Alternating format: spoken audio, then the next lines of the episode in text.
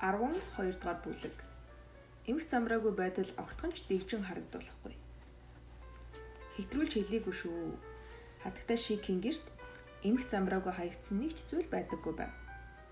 Тэдний шуудангаар ирсэн загтал илгээмжүүдэд нээж амжилгүй галтгооныхоо ширээн дээр овоолж, үүдний хонголд гутал хүрэмээ багтаж ядаж саагаж, мөнгөний баримт гэрээр дүрэн хоолны цэс зоосон мөнгө сэтгүүлийн ширээгээр нь тархсан байхыг би нэг ч үзээгүй. Ноён шигийн гэрийн шахаа үүдний хонголд үлгэн садлахын шидэгдсэн байна гэж үгүй. Тэдний герт бүх зүйл тогтсон байрлалтай байхагаад тэр герт амьдарсан хагас жилийн хугацаанд байх ёстой байрнаас өөр газар тавигдсан нэг ч зүйлийг би олж хараагүй. Магадгүй тэдний үүдний хонголд игнүүлэн өрсөн ширүүн төрхтөө өвөг дээдсийнх нь хөрөг зургуудаас болдгийм болов гэрийн босгоор даван орж ирсэн болгоныг шинжих мэд тэдгэр хөрөг зургуудын харц нэвт шууд ширтээд байх шиг. Би ч гэсэн тийм харц харсаар байтал шуудангийн хайрцагаас авсан илгээмжүүдэд тэр чигт нь үүдэндээ хаашаа шорхиж чадахгүй юм шиг санагдчих байна. Эсвэл шийхийн гэр үргэлж эмх цэцтэй байдаг нь тэднийхэн бүгдээрээ сайхан орчинд сайхан амьдрахад чухалчдаг болохоор л тэр баг. Эмх замбраагүй гэрт амьдрах нь дэгжин амьдрах тухай ойлголтын яг эсрэг үйлдэл юм. Салан задгаа эмх замбраагүй гэр оронтой байх нь яагаад ч дэгжин байж чадахгүй. Яагаад эмх замбраагүй болдог гэж? Айл герт замбраагүй хаягдсан зүйлс бол тэр гэрийнхний нүдэнд өртгөө болсон зүйлс юм.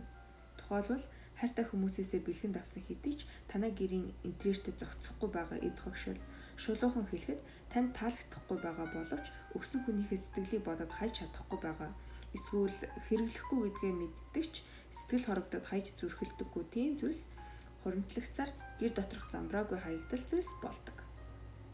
Түүнчлэн ерөөс тэнд байх эсгүй мөртлөө багтаж шингэхгүй сагсааж байгаа зүйлсийг замбраагүй хаягдсан зүйлс гэж хэлнэ. Хоолны ширээний голд тавьсан түлхүүр, гар утас, төрөвч, төвлөр хуур дээр тавьсан задлаагүй илгээмжүүд үүнд орно. Ихэнхдээ эдгээр зүйлсэл гэрийг эмх замбраагүй болгож харагдуулдаг гэдэгтээ санал нийлэх бах. Замбраагүй газар хүн өөрийн эрэхгүй унтууцаж цухалдан тухгүй болчихдог шүү дээ. Гэвч гэртээ юу ч ил хөл тавихаар ил хөл тавихгүй байхаар хэд туйлшрвал айл гэрийн онцлог өнгө төрх алдагдаж хитрхи уйдгартай болж мэднэ. Хуу хүний амьдрал үн цэнтэй цуглуулга чухал нандин зүйлсийг ч цөмийг нь хааж цэгцлэх хэрэгтэй гэж хэлээгүй шүү. Жишээ нь та өөрийн хайртай хуучны англи тавилгаан цуглуулга хоолны өрөөндөө өрж чимгэлсэн байвал хинч түүнийг замбраагүй байна гэж хэлэхгүй мэдээж хамгийн чухал нь та өөрийн сэтгэл зүрх дотроод мэдрэмжтэй үнэж байх явдал юм. Зүгээр л цуглуулгатай болохыг хүссэндээ юу ч хамаагүй цуглуулж болохгүй. Цайны аяга, зоос, цэрэг хүүхэлдээ, трол хүүхэлдээ зэргийг хэмжээ хязгааргүй цуглуулах нь бас нэг төрлийн хог. Трол хүүхэлтийн оронд илүү сайхан цуглуулгатай болж яагаад болохгүй гэж хамгийн гол нь танд юу илүү чухал харин юу чухал биш гэдгийг сайтар ялгадаг байх хэрэгтэй шүү. Яарах хэрэггүй. Цаг гарган цэгцэл. Юун төрөнд гэрийнхээ эмхлэх хэрэгтэй байгаа хэсгийг олж харах. Хувцсныхаа шүүгийг цэгцэлсэн шигэ та цаг гарган нямбалан эмхлэх хэрэгтэй. Нэг дор цэгцлэхээр улаарах шаардлагагүй. Ханцуу шамлан шүүгэн дэх бүх хувцсаа гаргаж эхлээд 30 минут бололгүй дундаасаа залхаж болмоор санагдахаас сэргийлж сэтгэлийн хөөрлөөр орох хэрэггүй. Харин илүү боддоор боломжоо харж өдөр бүр хэсэгчлэн баг багаар цэцэлж байвал шургуулганыхаа нэг давхрыг бичиг баримтынхаа нэг овоолсон хэсгийг хувцсны шүүгээгээ хэсэгчлэн цэгцлэх гэх мэт. Яарч залхахгүй дараа өдөр гэж дараа өдөрч ирчүүдтэй ажиллах боломжтой юм худалдаж авахгүй байх.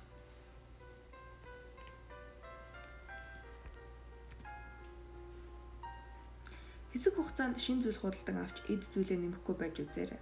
Бид тийм ч хэрэгтэй биш олон зүйлийг худалдан авсан байдаг.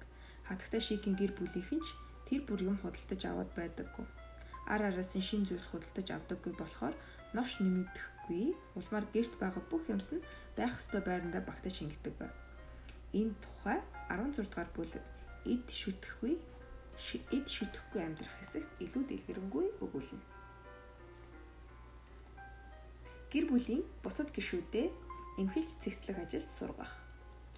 Хатта шиг гэрийнхээ бүх ажлыг өөрөө хийдэг. Гаднаас гэр цэвэрлэгээний үйлчлэгч авдаггүй байв. Тэглээгээд нөхөр хүүгийнхээ буснуулсан зүйлсийг ганцаараа хөлсөд тусуулан цэгцэлдэггүй байв. Хатта шиг тайван, намблаг гэрийн эзэгтэй гэж би ер нь харж байгаагүй санагдана. Тэр гэрийн ирчүүд гэрээ түүнээс дутгааргүй хайрлаж өөрсдийн хогшлоо эмх цэцтэй байлгадаг байсан ноён шигч тэдний хүүч ялгаагүй өөрийн хэрэгэлсэн зүйлээ өөрөө л хурааж янзлана. Гэрээ үргэлж цэвэрхэн цэгцтэй байлгахыг хатгтай шиг тэдэнд зааж сургасан нь гарцаагүй.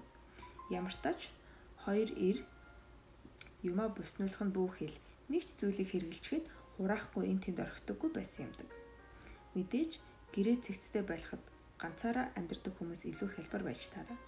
Тэд өөрсдийн эмх цэгцтэй байх дүрмээрээ амьдрахад л болчихно нэг бодлын ийм хялбар байх нь дэндүү уудахтай ч юм шиг.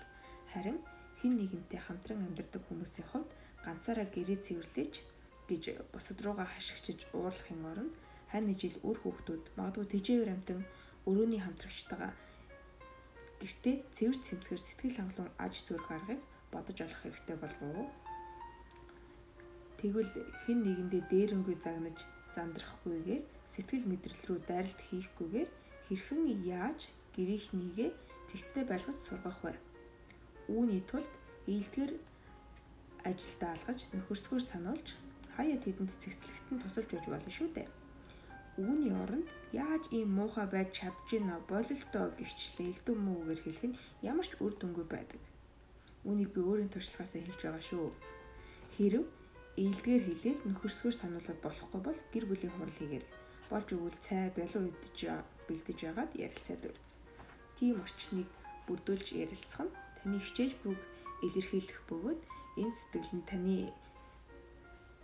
гэр бүлийн бусад гишүүдэд ч хүрч хүн бүр дор бүрний хичээх хэрэгтэй юм гэдгийг ойлгуулахад дөхөн болж юуны магад.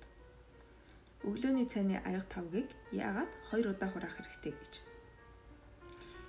Энэ надад манай хадам ээж Лондонгоос бидэн дээр зочлохоор ирээд байсан үеийг санагдуулчихлаа. Нэг орой би өөртөө үнэхээр хэрэгтэй байсан тансаглал болох шүршүрд орчход үсээ сэнстэж байлаа. Энэ хооронд хадам ээж маань сайхан сэтгэл гаргаж охиныг минь харж өгч байв. Ялх хүүхдтэй хүмүүр үүнийг жинхэнэ тансаглал гэдгийг ойлгов. Би цаг хараад хичнээн удаан тансагласнаа ч анзаарч түүнийг одоо буудал руугаа буцмаар байгаа байх гэж санаа зов. Тиймээс би өснийхээ арчилгаануудыг хоош таваад хувцслан дээшээ гарч түнд хүүхэд харж өгсөн талархснаа хэлэхээр яв. Тэр үед буулгасан зүйлүүд дараа нь янзалчихна гэж бодсон хэрэг. Харин хадам ээж маань буудал руугаа буцах шаардлагагүй болж бид ч хүүхэдтэйгээ хэсэг тоглов. Удалгүй хадам ээж маань угаалгын өрөөнөөс ямар нэг зүйл авчирхаар оров. Хүүхэдтэйгээ тоглоод сатаарсанд би угаалгын өрөө ямар замраагүй байгааг мартаж орхижээ. Уг нь би угаалгын өрөөгөө үргэлж цэвэрхэн байлгадаг байсан юм. Маргааш нь би түүнийг явсны дараа ундуу сүндөө угаалгын өрөөнд орж ямархуу дүр зураг хадам ээжтэй үзүүлснээр димээл харж зогсов. Уг нь тэр бүгдийг янзлахад надад 1 минут л зарцуулах байсан. Гэвч би хийгээгүй. Ганцхан удаагийн үйлдэлээр гэрээ маш цэвэр цэмцгэр байлгадаг хадам ээж минь үүнийг олоод харчихдаг ямар тоогүй хэрэггүй. Энэ нь өмнө нь дурдсан мерфийн хуультай яг адилхан. Хэрвээ чи гэрээсээ онцгой хувцлаад гарсан бол хуучин найз залуу эсвэл өрсөлдөгч нэгэнтэйгээ гэнт таархал болно Үнэн дээр тэр угаалгын өрөөний хэрэг надад томоохон сургамж болсон юм. Тиймээс одоо би ямар ч нөхцөл байдалд өөрийн эргэн тойрноо эмх замбраатай байлгахыг хичээх болсон. Жаахан хүүхдтэй айлд эмх хэцүүч, жаахан хичээл зүтгэлж тусаа өгдөг юм билээ шүү. Ухамсартай амьдрах. Шикин шикийнхэн бүхий л утгаараа ёс жудагтай амьдардаг айл үлээ.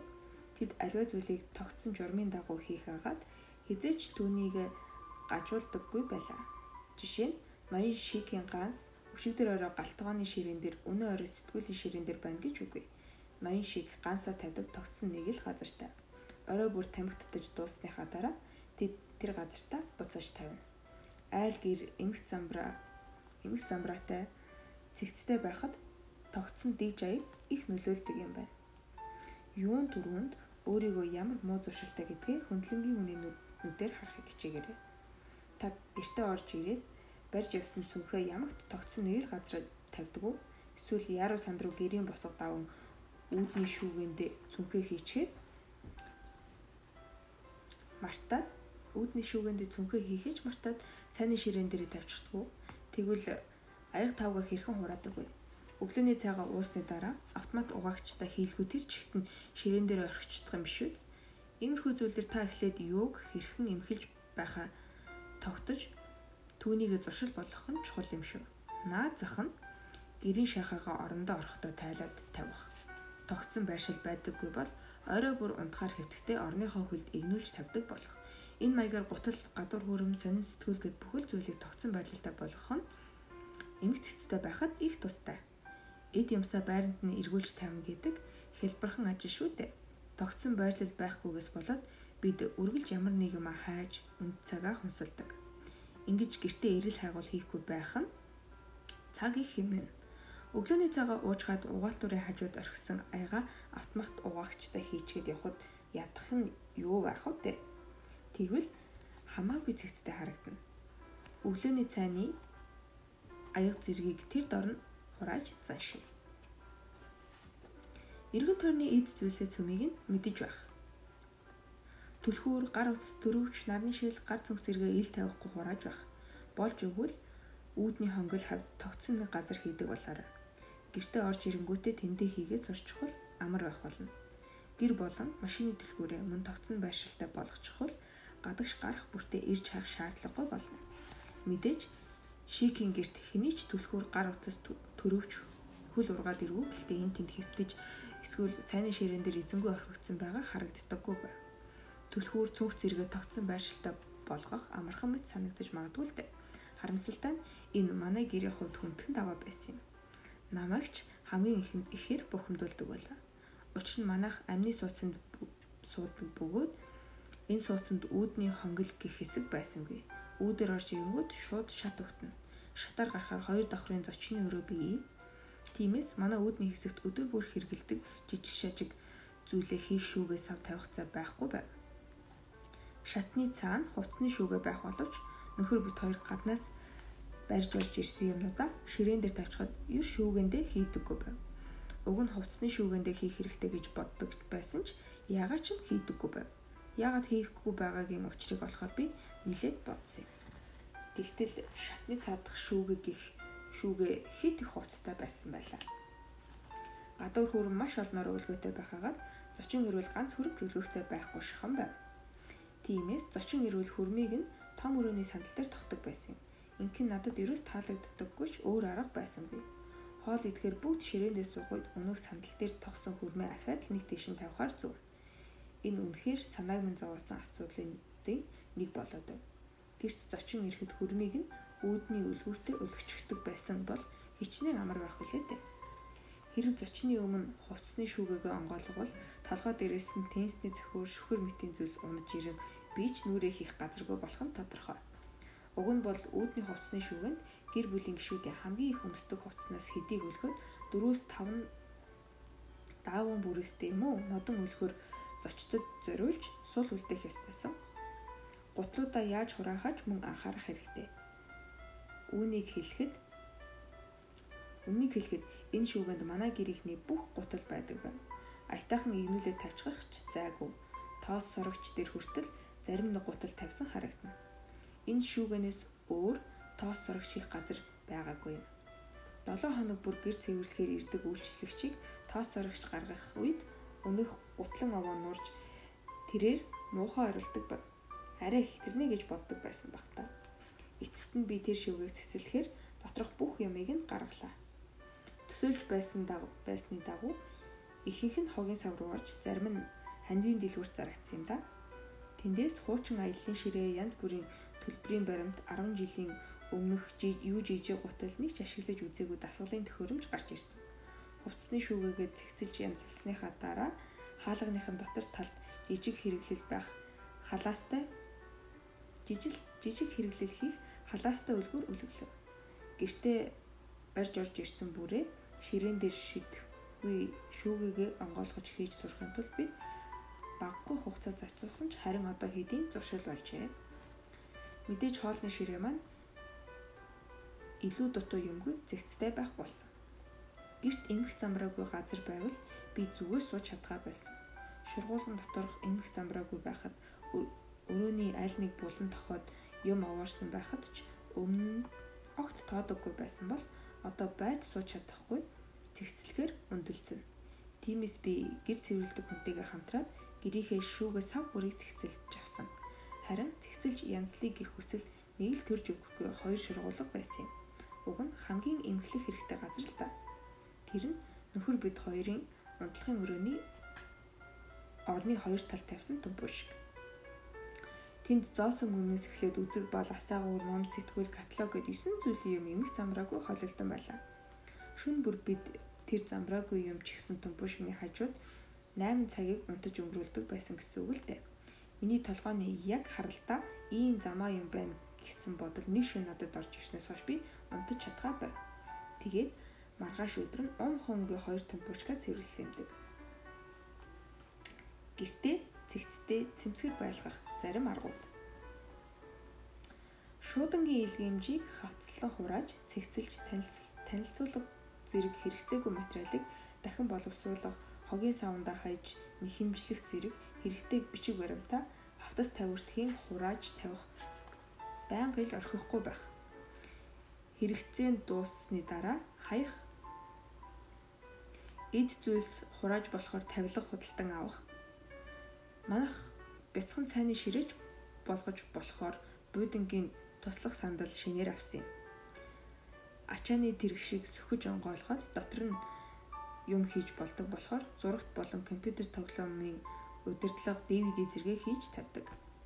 Гэр орон эмх цэгцтэй байхаар цээж дүүрэн амьсгалах шиг санагдан сэтгэл цэлэмдэг. Таач гэсэн сайхан орчин сэтгэл хангалуун амьдрах хэрэгтэй шүү. Эрэгтэй хүн танд байгаа эд зүйлс ч өөрийн гэсэн ор хоронтой байх хэрэгтэй. Цэвэр цэмцгэр гэрт амьдрна гэдэг бол амьдрсан шиг амьдрахыг дээд зэргийн чанартай амьдрахыг зорж бүх хэрэг. Ингиж өнгөрөөсөн өдрүүд таны амьдралд хэмжээлшгүй эрэг дүнг үр дүнг авчирна гэдэгт итгээрэй. Товчхондоо гэрийнхээ аль аль хэсгийг эмхэлж анзлах хэрэгтэй байгаагаа тогтоох. Энэ үед өөр өөртөө үнэнч байж сэтгэлээ сонсох. Яарч төвдөлгүйгээр ар араас нь нэг бүрчлэн нямбалан цэгцлэх. Эмхэлж цэгцлэхдээ хугацаа тогтоож болохч нэг дор бүгдийг дуусгах гэж хүчлэх хэрэггүй. Хувцсны шүүгээ шургуулга галтгооны шүүгээ ангилан цэгцлээрэй. Эдгээрт хэрэгтэй хэрэггүй зүйлс ихээр орсон байгаагаас болж өдөр тутмын хэрэгцээ зүйлсээ хийх зайгүй болдог. Юм худалдан авахаа багасгах чухал хэрэгцээ зүйлсээ л худалдан авч байх. Гэрээ цэгцлэхэд гэр бүлийн гишүүн бүрийн оролцоо чухал бөгөөд тэдний дэмжлэгийг авах арга бодож олох. Бүгдээрээ санал нэгтээ оролцох нь хамгийн чухал. Уул аваашиг болохоос өмнө шуудангийн илгээмжүүдэд аль болох доор нь хайж хавцлан зэгцэлдэг байх. Ухамсартай амьдралын хэв маягаар амьдрахын төлөө хичээл зүтгэл гаргадаг байх. Гэрт байгаа бүх эд зүйлсийг тус тусын тогтсон байрлалтай болгох.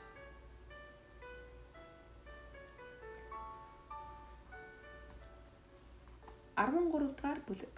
Урлагтай ойр бай. Өмнөх бүлгүүдийг уншсны дараа намайг ямар зорилгоор Парис явсныг мэдэх болсон баг. Үнэн дээр би аль нэг кафе лонжид сууж хотоор зугаалж францчуудын амьдралын хэв маягийг судлах гэж Парисыг зориогүй юм шүү дээ. Би сурч боловсрохоор өөрийгөө хөгжүүлэхээр энэ хотод ирсэн. Тиймээс ч бидэнд Франц хэл сурч театр урлагийн түүхийг судлах завшаан тохиосон юм. Манай ангийнхан даваа гараг бүр урлагийн түүхийн хичээлээр сонгодог урлагийн түүхтэй танилцаж лав гарагт алдарт Орсей болон Лоурийн музейд очиж тэр зургаа бодитоор үздэг байв. Театрын тухай хичээлээр бид Мойлрын хотын язгууртан хошин бүжгэн жүжигийн тухай судалсан бол дараа 7 хоногт нь театрт энэ жүжигээ үзнэ. Тийм ээ, таны төсөөлж байгаачлан бид Диожинд байгаа мэт амьдарч байлаа. Эдгээр урлагийн судалгаа надад хамгийн баялаг туршлага болсон билээ манай профессорууд Лоури музей, Парисын Дүүрийн театр зэрэгт алдартай газруудаас гадна тэр бүр олны мэдээд байдаггүй жижиг музей театруудаар ч дагуулж явдаг байв. Миний хизээч мартахгүй нэг үзүүр бол Энжи Иньоскогийн La Canta La Cantatrice Чави буюу халдсан дуучин бүсгүй гих дуулалт жүжиг юм. Энэ жүжигийн 50 гаруй хүний судалгаатай жүжиг театр 5 50 гаруй хүний судалтай жижиг театрт би үзэж билээ. Тимээс жүжигчдийг их ойроос харж яг л өөртөө тайзан дээр байгаа мэт гүн сэтгэгдэл төрж байлаа. Би баг байхын л урлагт дуртай хүүхэд байсан. Тэр дундаа театрын урлагт их хайртай. Коллежид байхдаа би театрын мэрэгчлэлтэн байлаа. Гэвч би хизэж Парист байсан шиг урлагтаа тийм ойр байж үзээгүй. Үүний үр дүнд миний амьдрал илүү баялаг, илүү сонирхолтой болсон. 7 хоног бүр урлагаар амьсгалах нь надад оюун санааны маш сайн тижэл болж байсан гэхэд болно. Би урд нь найзуудаараа цуглаад олонний танил хүмүүсийн сүүлийн үеийн хов живийг ам булалдан ярьдаг байсан бол Парис сурах болсноос хойш илүү гэгээлэг сайн сайхан зүйлсийг харж ярьж өөрөлдөхийг илүүд үзэх болов. Бид кино урлаг, сонгодог жүжигийн тухай ярилцаж түүндээ анализ хийн. Философийн тухай ч хэлэлцэн би өөрийгөө илүү их ойлгож таньж мэдэх болов. Яг л өөрөө урлагийн нэг хэсэг болсон мэт надад гайхалтай сайхан мэдрэмж төрдөг байлаа. Хөгжим. Би хүүхэд ахудаа нэлээд хэдэн жил төгөлдөр хуурын дугууланд явж байсан юм. Бас сургуулийнхаа нэгэн хамтлагт саксофон тоглодог байлаа. Найзууд маань намайг саксофон тоглодог байсныг дуулаад их гайхдаг. Харин би тэдэнд яг л Лиза Симпсон шиг болохыг хүсдэг байснаа хэлдэг. Сургуулийн хөгжмийн хамтлагийн хүүхдүүд бид өглөө хичээл эхлэхээс өмнө хөгжмийн танхимд цуглан цаг 30 минутын турш бэлтгэл хийдэг байв. Би өглөө эрт ирсэндээ өргөлж гомдолдог байсан ч өдрийг хөгжмөөр эхлүүлсэндээ баяртай байдаг байв. Одоо ч би бүхэл өдөржин хөгжим сонсох дуртай. Одоо үүнийг бичиж байхдаа би Магийн Love Walks Do Violence Violence морин хийлийн хөгжмийг сонсож байна. Хөгжим таныг ямар ч таагүй байдалтай байсан тэр байдлаас чинь гаргаж чаддаг. Мөн дуу хөгжим хүнд урам зориг өгч бүтээлч сэтгэлгээг өдөөж өгдөг. Миний хувьд хөгжим сонсож урам зориг авалгүйгээр тогтмол сууж юм бичнэ гэдэг хэцүү. Хэдийгээр би сонгодог дуу хөгжимд илүүтэй дуртайч цаг ямагт сонсоод байдаггүй. Би Паул Саймоноос эхлээд John Legend, Robert Thicke, Coldplay, Yo-Yo Ma-гийн бүх уран бүтээлийг сонсдог. Хэрвээ таны амьдрал ирч хүчгүй нэгэн хэвийн уйтгартай санагдвал дуу хөгжимтэй илүү ойр байгаад үзээрэй. Магадгүй та багасаа ямар нэг хөгжмийн зэмсэг тоглодог байсан байж болно. Эсвэл коллежид байхдаа Bob Dylan эсвэл Dave Matthews-гийн дууг өрөөндөө өргөлж орлуулдаг байсан уу? Одоо бодоход тэр үед таны амьдралын ирч хүч оргилсан эрх чөлөөтэй цаг мөч байсан гэдэгтээ таач санал нийлэх баг. Одоо ч тэр үеиг шигэ байж болохгүй. Гэх нэг шалтгаан ба би олж харааг хараагүй байна. Шикийн гэр бүлийн оройн зоогийн дараа ихшгэлдэг сонгодог хөгжмөд ямар гайхалтай бөгөөд сэтгэл сэргэнгүй. Тэд бол хөгжмийн тухай ихийг мэддэг хүмүүс.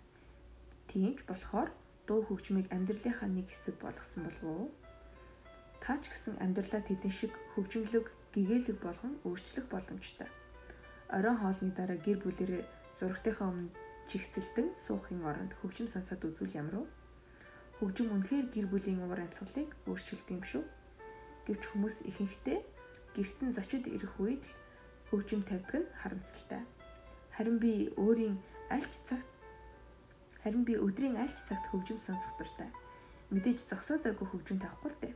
Гэхдээ юу ч бодлохгүйгээр зүгээр л хөнгөн бүжиглмээр болсон үедээ хизэж хшиглүүлж болно. Дасгалж болно шүү. Мөн өглөө бүр би хүүхдүүддээ өглөөний цагийг бэлдэж өгөхдөө хөгжим тавьдаг.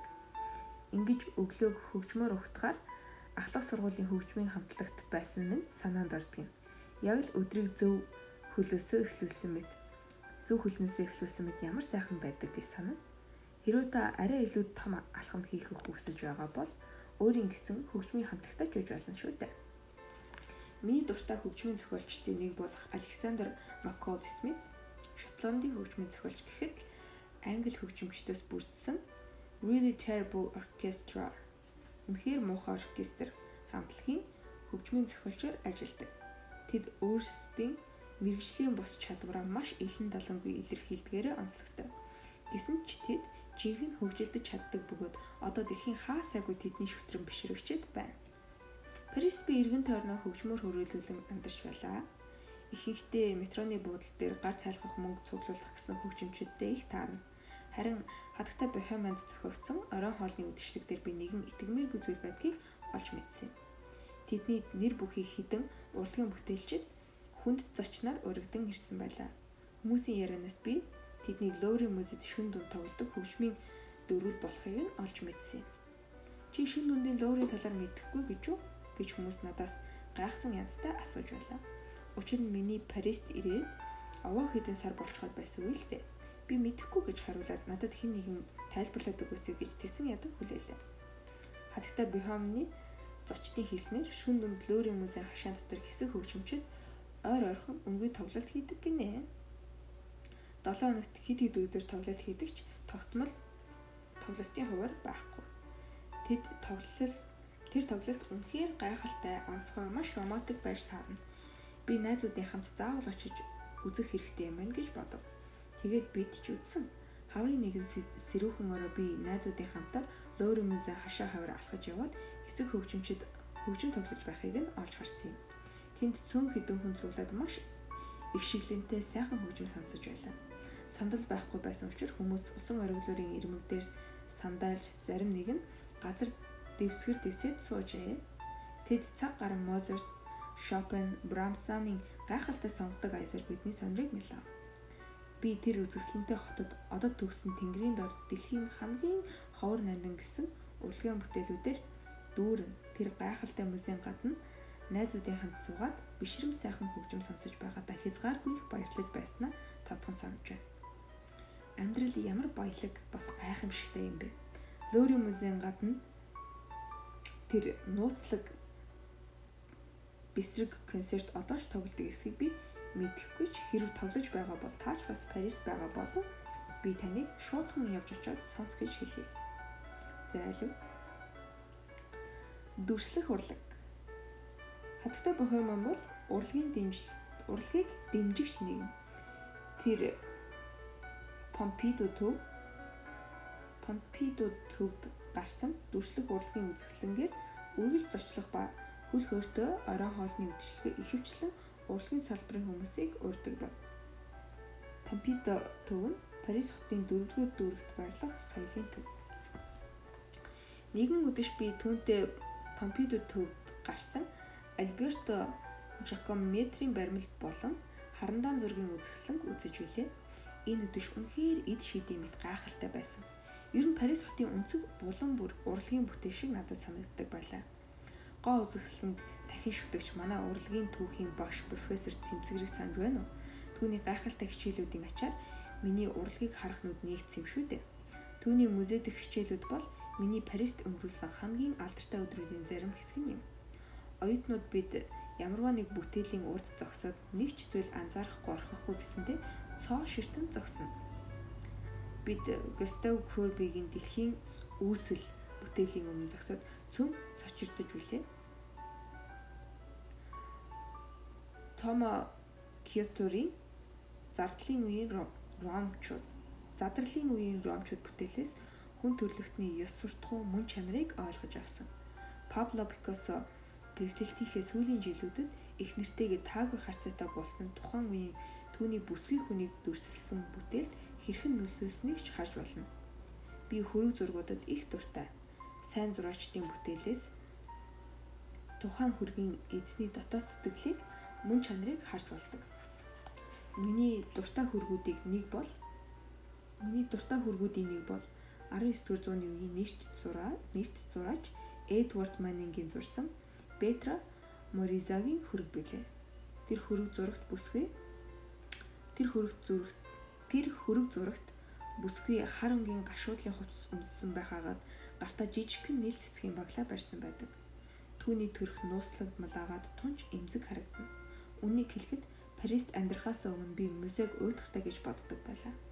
Хаяа нэг Лос Анжелест Ван Гог, Пикассо зэрэг домог болсон зураачдын бүтээл дэлгэцүү үед үздэг байсныг эцүүл стоцгүй шүү дээ. Харин профессор Цэмцгэрийн хичээлд хамрагдах болсноор миний амьдрал урлаг томоохон байр суурийг эзлэх болсон.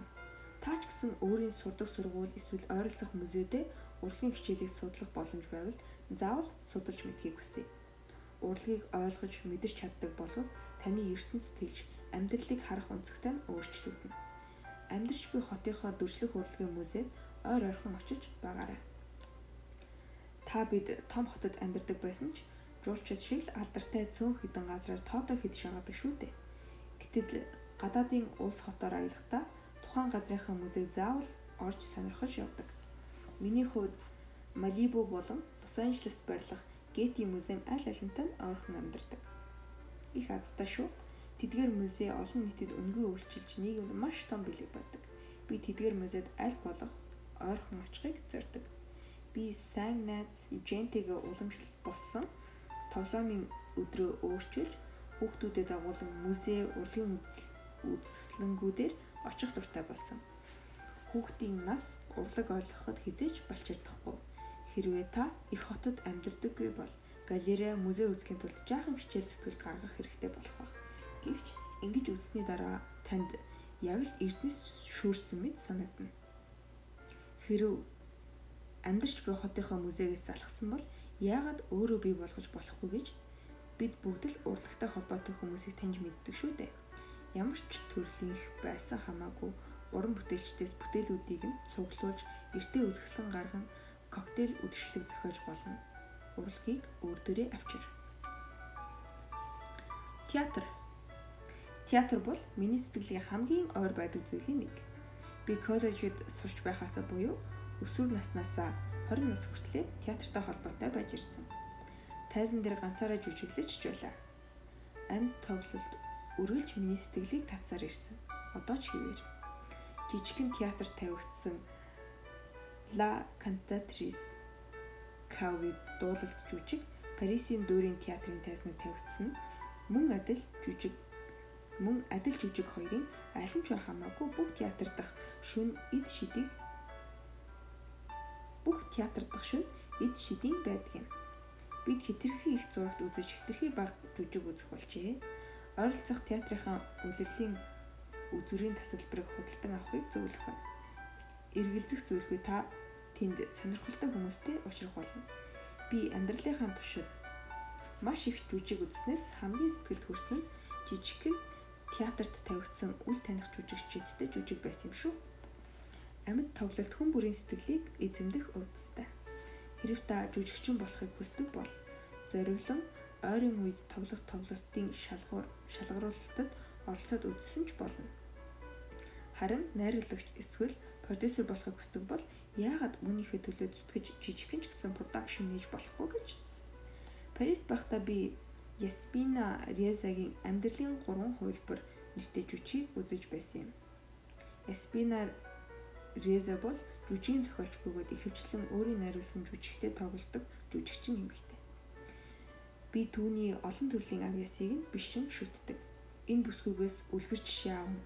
Бас өнөөх үнэхээр муухай оркестр нэртэй хамтлагаас санаа аван хинч бай өөрийн тайз дэлгэцээ бий болгох боломжтой. Үүнийг эхлүүлэхэд хизээч оройтхгүй. Магадгүй та ойр орчмынхоо хамгийн гайхалтай уран бүтээлчин болохыг ч үгүйсгэх аргагүй. Өөрийн мөрөөдлөө үндэслүүл. Би театрт ойр орхон очдог байсан үе маш их өгүүлдэг.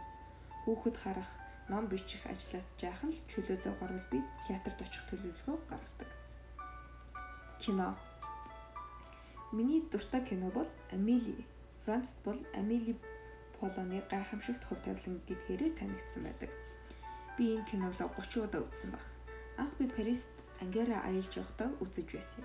Тэр үед киног Франц хэл дээр ямар ч англи хадмал орчуулгагүйгээр үзсэн тухайн үедээ цоо шин дэвшилтэд зураг авалт хизээч мартагдахааргүй гайхалтай хөгжмийн зохиол үнэхээр сэтгэл татам гол дүрийн жижигчин эмэгтэй Одри Тото гэдэл кино бүхэлдээ нүд бүлтэлгэж чигч дэдгэлгэн байсан. Бас кинонд Амели хэрхэн өөрийнхөө хувь заяаг умартан байж бусдын сайн сайханд төлөө зүтгэж байгаа тухай гайхалтай түүх намайг алмааруулж орхисон. Энэ хайрын түүх миний сэтгэлийг маш их хөдөлгөсөн учраас би үзэж байхдаа баахан уйлж үлээ. Америкт очингуудаа кино театрт энэ удаад хатмал орчуулгатаагаар үзэж байсан юмдаг. Тэгвэл энэ киноны бүх сайхан хэсгийг алдахгүй харах гэсэндээ амьсгаа дараа шимтэн үзсэндээ DVD-г нь ч худалдан авсан. Үүнээс хойш удалгүй Амили киноны найруулагч Жан Пьер Жени өөрийн биеэр Санта Моникагийн Орой театрт хүрэлцэн гэж киногоо нээж үг хэлсэн юм. Энэ үед надтай цуг явах хүн олдоогүй учраас би ганцаараа очиж киногоо яг л Парист анх үзэж байсан шигэ амаа ангаатлаж үзсэн юмдаг. Иймэрхүү киног улам хүчирхэг болгож байдаг зүйлийн нэг бол яа харахгүй кино театрууд юм. Би бол independent independent independent кино сонирхогч. Би даасан кино сонирхогч.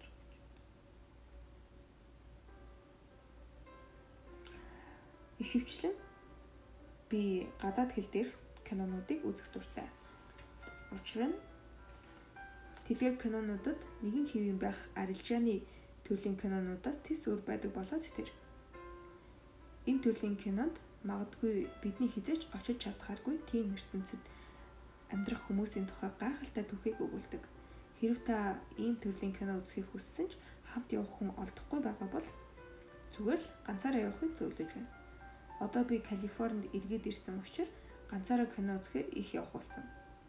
Өдрийн цагаар ганцаараа кино үзэхээр явах ёстой янзтай. Попкорн, газ даунда аваад миний хувьд эсвэл цай ч юм уу би кино театрт цай авах дуртай. Хүссэн хүлээсэн киногоо үзнэ. Хинч чамд саад болохгүй аз жаргалтай цаг мөч. Хаач амьдэрсэн урлагтай ойр бай. Хэрв та том хотод амьдардаг бол урлаг соёлын арга хэмжээнд идэвхтэй оролцож байгаарай симфони хөгжим тоглох, театрт очиж балет дүр үзээрэй. Дүрслэх урлагийн үзэсгэлэнгүүдээр зочил номын нээлтүүдэд оролцож зохиолчдын яриаг сонс. Бидний ихэнх л хүүхэд байхасаа ямар нэг хөгжмийн зэмсэгтэй танилцсан байдаг. Миний хувьд төгөлдөр хуур болон саксофон хөгжмийг оролдог байна.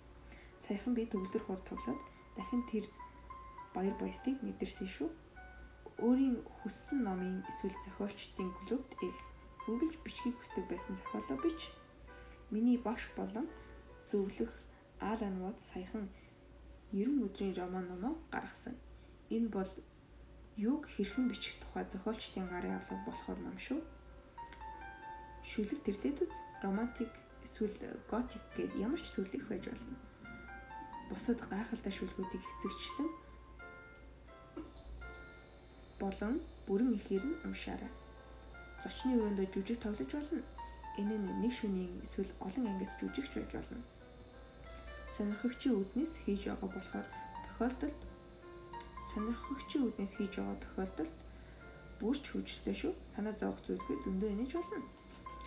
Лос Анжелест буцаж ирээд би хөлийн хураагаа хологтол Independent кино хааж урлагийн музей үзэж амьд хөгжим сонсгоор явдаг байлаа. Урлаг сонирхогч байхын давуу талыг би Парист байхдаа ойлгож мэдсэн. Магадгүй энэ миний Парис сурсан хамгийн чухал зүйлийн нэг байх.